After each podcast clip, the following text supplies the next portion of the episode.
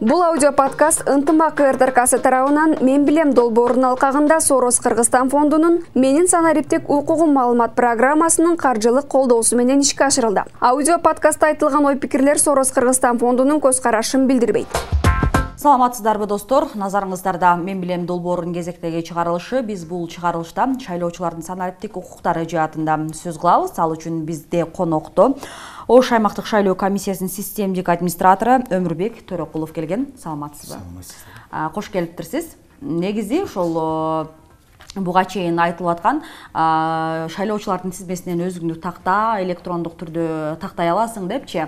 Бүгүнкү күндө ошол жалпы эле ошол баштапкы суроо болсун канча жаран биометрикалык маалыматтарын тапшырып бүттү алар ошол тизмеге кошулду кыргызстан боюнча алганда азыр биздин такталган маалыматтарга караганда кыргызстан боюнча токсон пайыздан ашык кыргызстандын жарандары э, биометриялык маалыматтардан өткөн.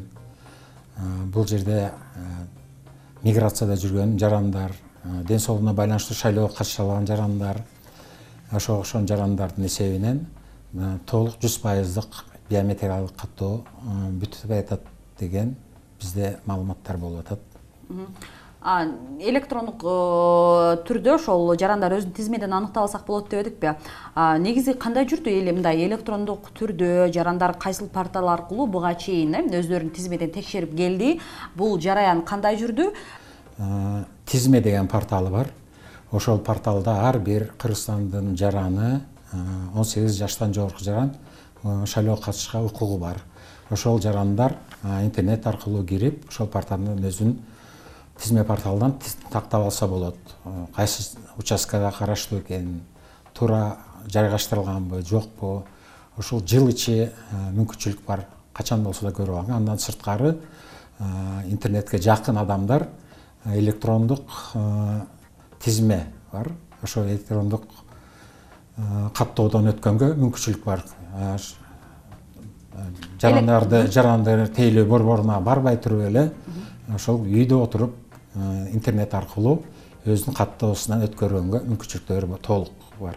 Эгерде мисалы шайлоочулардын тизмесинен мен өзүмдү электрондук түрдө текшердим. Ал жерден менин тизмем жок болуп чыкты. Ошондой эле э, эгерде болгондо дагы шайлоочулардын арасында аты жөнүм ал жерде катачылыктар кездешсе мен кандай кадамдарга бара алам менин укуктарым кандай болот мен кантип ошол мисалы аты жөндөн ката кетип калышы мүмкүн мен аны кандай негизде мындай тууралатып алсам болот деген суроо электрондук кабинетте э, өзүндө түшүндүрмөлөр бар. Ошол түшүндүрмөлөр менен басылат ал эми мындай интернет боюнча сабаттуулугу жетишпеген жарандар ар бир бизде ош шаарында жетимиш сегиз участок бар. Ошол участкаларда окутулган атайын шайлоо мезгилинде иштей турган операторлор бар. Идентификация боюнча ошолорду барып кайрылса өзүнүн жаран өзү лично кайрылыш керек. Себеби дегенде ал жерде дагы бир сыйра биометриясынан өткөрүп паспорттун дареги менен тастыктап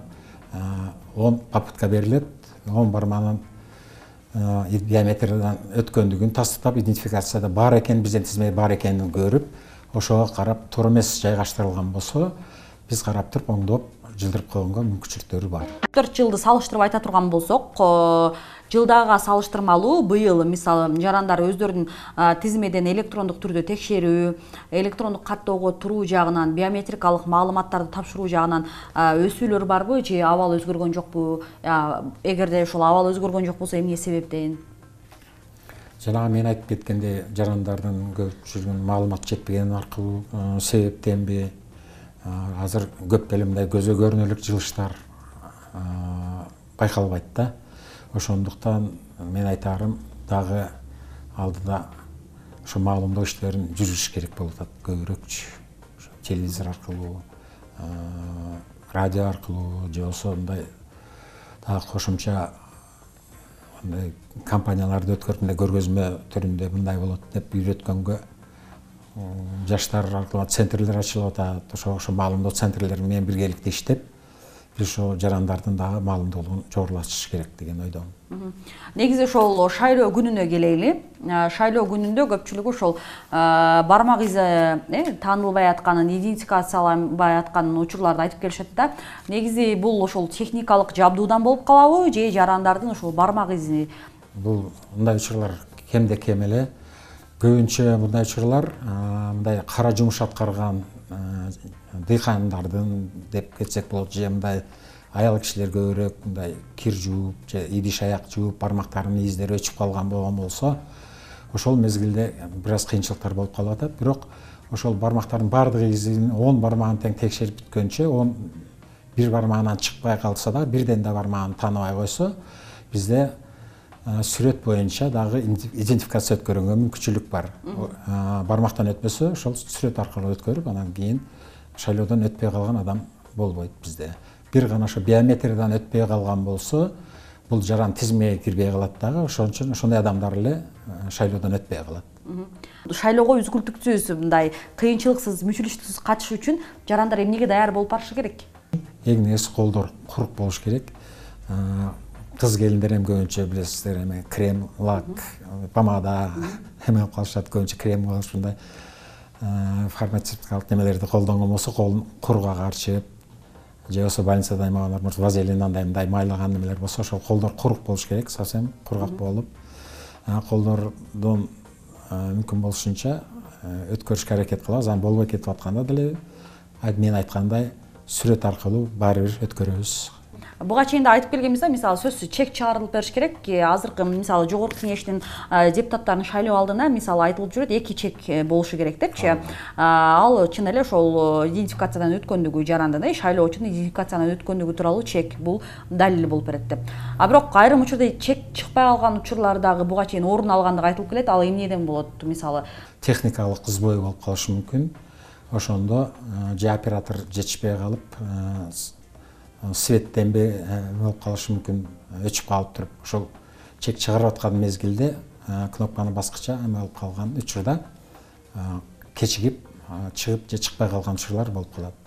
Эгерде чек чыкпай калган учур болсо ал шайлоочунун мындай катачылыгы менен болгон жок. Сиз айткандай техникалык мүчүлүштүк электр энергиясына байланыштуу болуп калышы мүмкүн. Анда шайлоого укуксуз болуп калабы же кандай болуп калат? Ал кандай кадамдар менен коштолот ушундай учурлар өткөн шайлоодо бир жолу эки жолу учурдык ушундай учурга туура келип калдык. Закон боюнча положение боюнча бизде каралган андай жаран акт түзүлөт дагы ошо бюллетень берилбейт чек болгончо катыша албай калат ал кишичи кандай акт түзүлөт э? ошол ушундай техникалык мүчүлүштөр боюнча чек чыкпай калды ошондуктан биз кайра чыгарганга болбой калып атпайбы ошондуктан чексиз эмеге өтпөйт бюллетень берилбейт. Ошондуктан ал жаран өтпөй калат шайлоодон.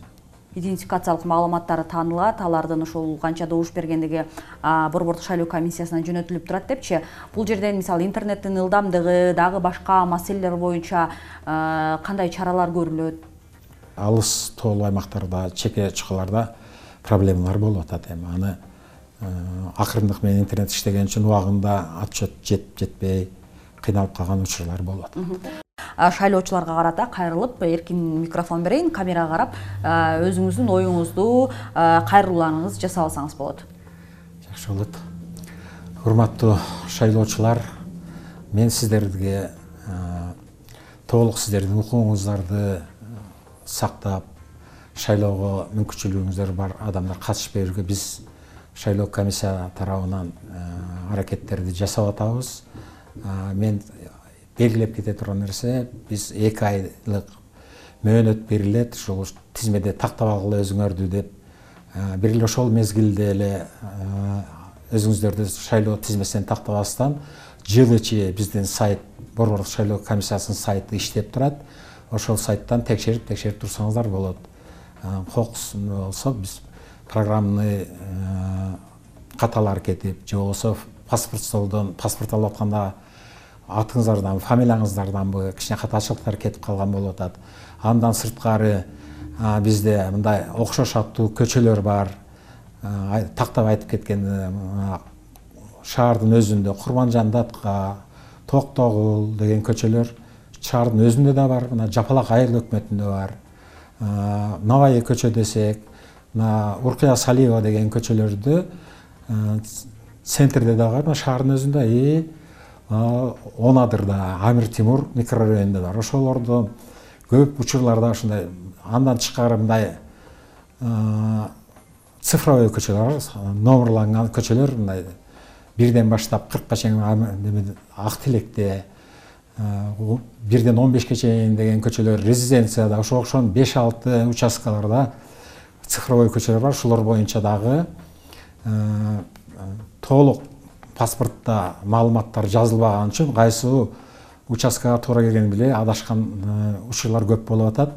Ошону паспорт алып аткан мезгилде кошо жаздыртып ошол ак тилектеби резиденциядагы же амир темирдагы ошол ар бир микрорайонду кошо жаздыртып койсоңуздар өзүңүздөргө да жеңил болот. Биздин дагы сиздер менен иштешке бизге дагы оңой болот ал эми урматтуу достор биз ушуну менен мен билем долбоорунун кезектеги чыгарылышын жыйынтыктайбыз. Эсиңиздерге сала кетели биз бул жолку чыгарылышта шайлоочулардын санариптик укугу боюнча сөз кылдык.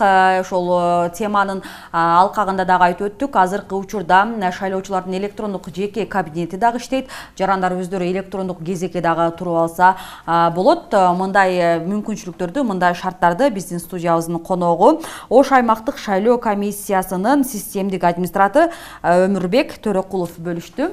Э, сизге ыраазычылык билдиребиз келип бергениңиз үчүн